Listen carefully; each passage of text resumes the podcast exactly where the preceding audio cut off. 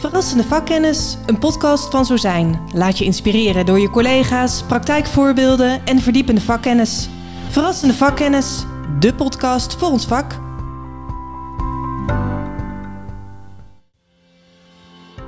Welkom bij de podcast Verrassende Vakkennis. Mijn naam is Femmelien Blom en ik werk als beleidsadviseur bij Zo Zijn.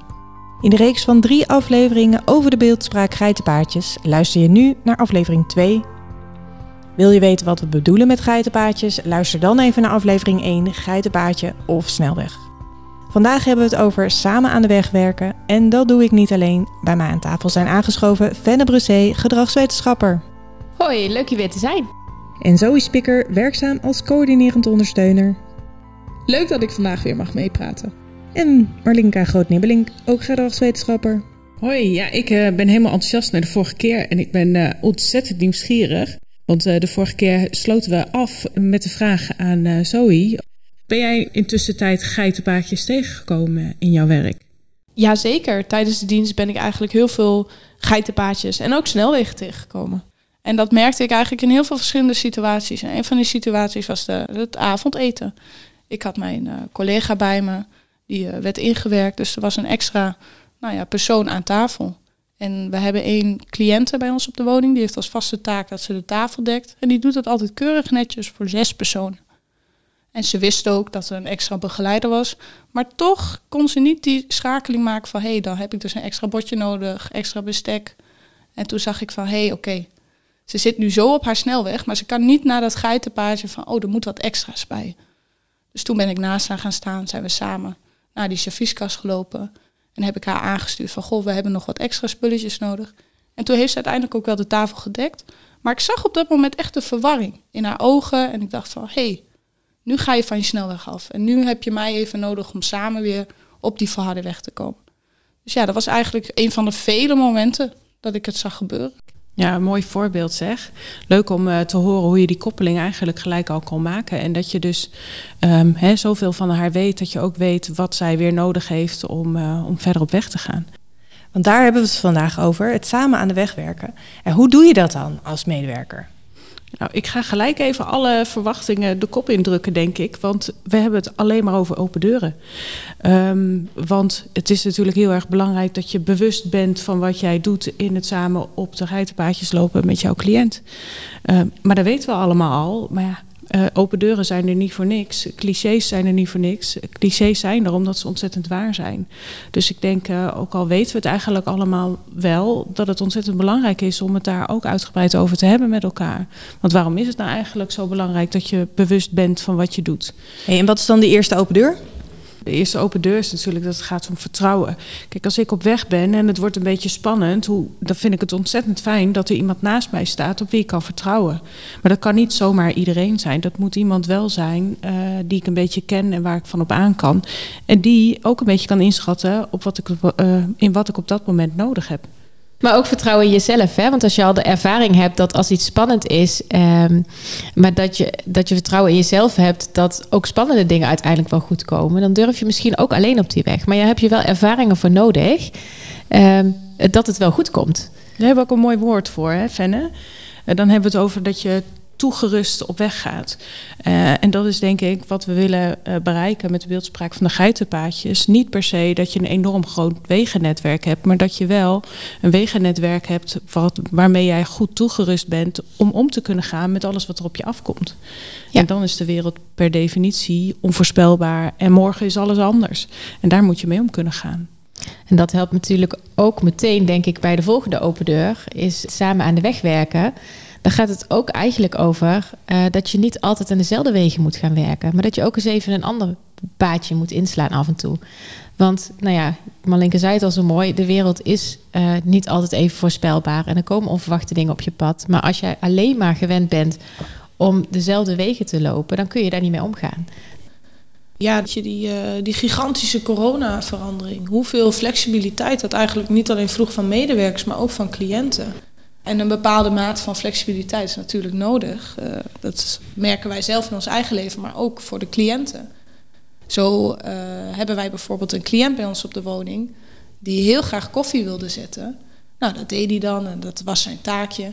Alleen die koffie, ja, dat was, was eigenlijk niet te drinken. Het was veel te sterk of juist heel erg slap. Dus hij wist niet zo goed hoe die koffie nou lekker gezet kon worden. Maar ja, er komt ook nog een gedeelte zijn beperking erbij, want hij ziet heel slecht.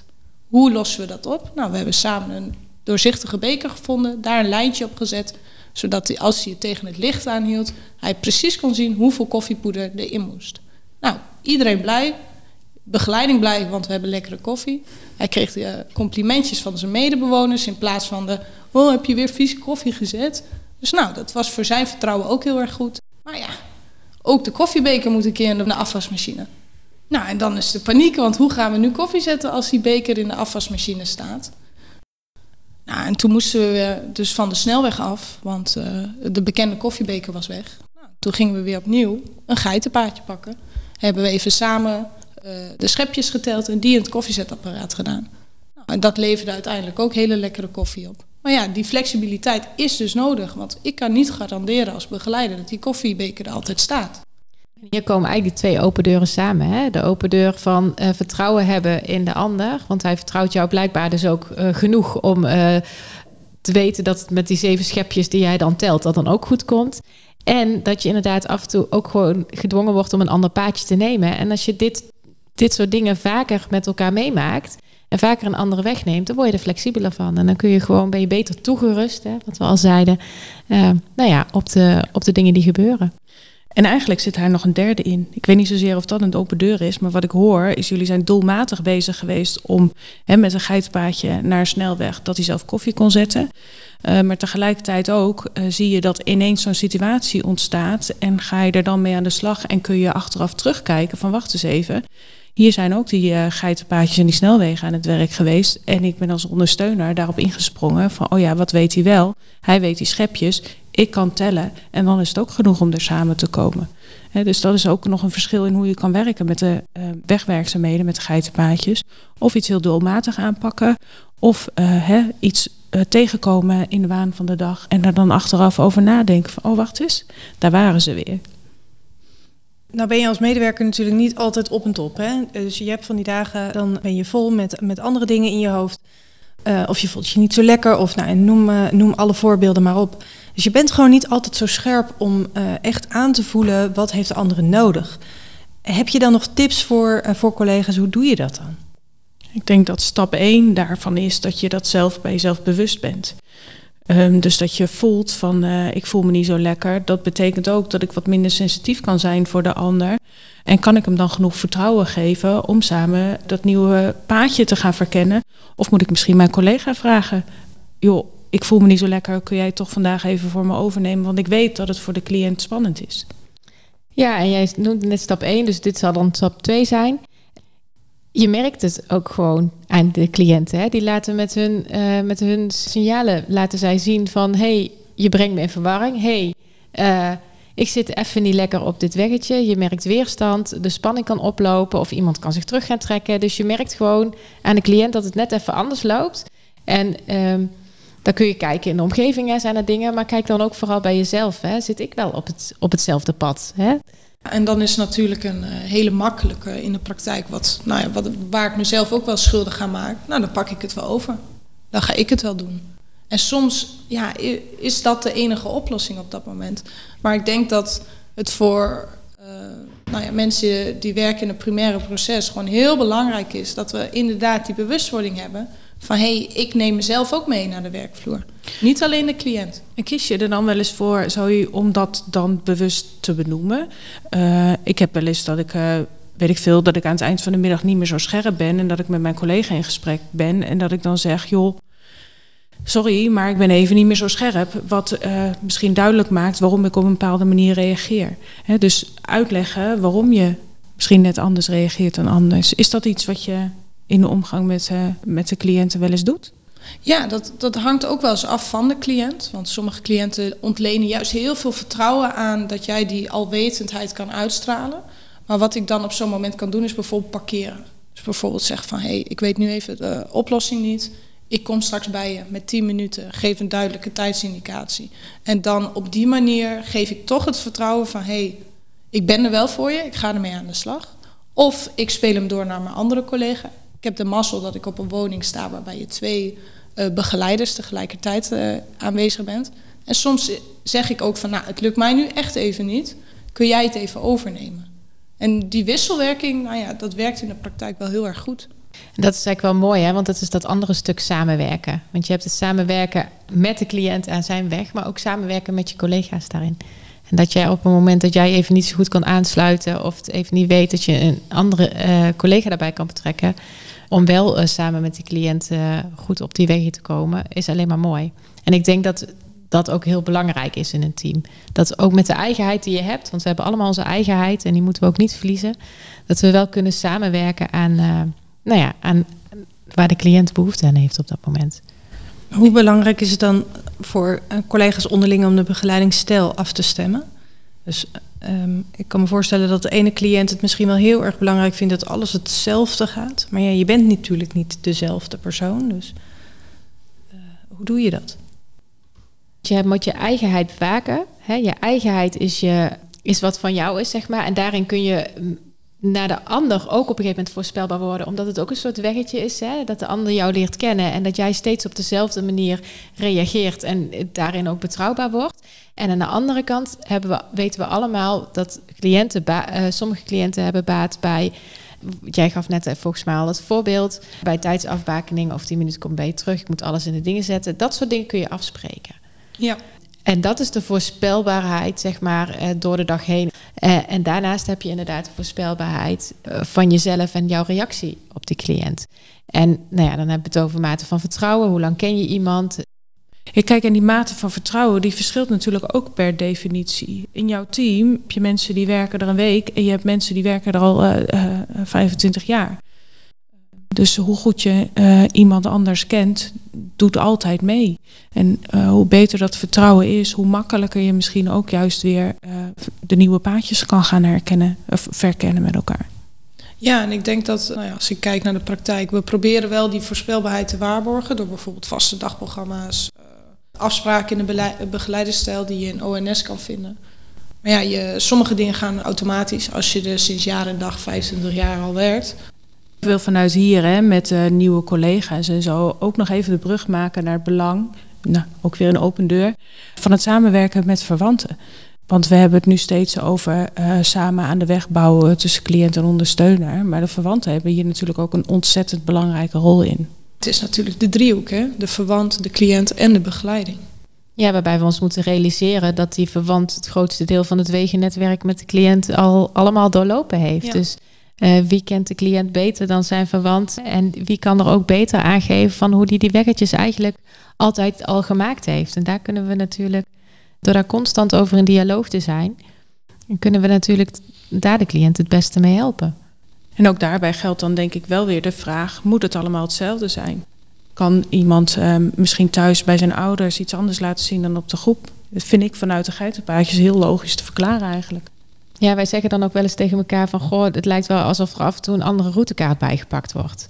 en dat, uh, dat, dat dan op, op de dagbesteding of op, uh, op een woning, zeg maar... Uh, er, er andere vaardigheden te zien zijn dan thuis. Ja. En, nou dus ja. wel de vaatwassen uitpakken op dagbesteding... maar thuis niet, dat het dan niet lukt. Nee. Ja. nee, en de vraag is altijd van, nou ja, weet je... en dan vervolgens kijken van hoe erg is dat? Hè? En wil je dat anders? Of uh, hè, die cliënt die die puzzel wel maakt op dagbesteding, maar thuis iets anders wil doen. Ja, hoe, hè, hoe erg is dat eigenlijk? En misschien moeten we de therapie daar nog in noemen. Cliënten die, uh, die hebben vaak nou ja, verschillende soorten therapie. Logopedie kun je hebben, um, speltherapie, PMT. Allemaal om vaardigheden aan te leren, geitenpaadjes te maken. En die leren ze in een aparte context. Dus bijvoorbeeld in de gymzaal of in de therapieruimte.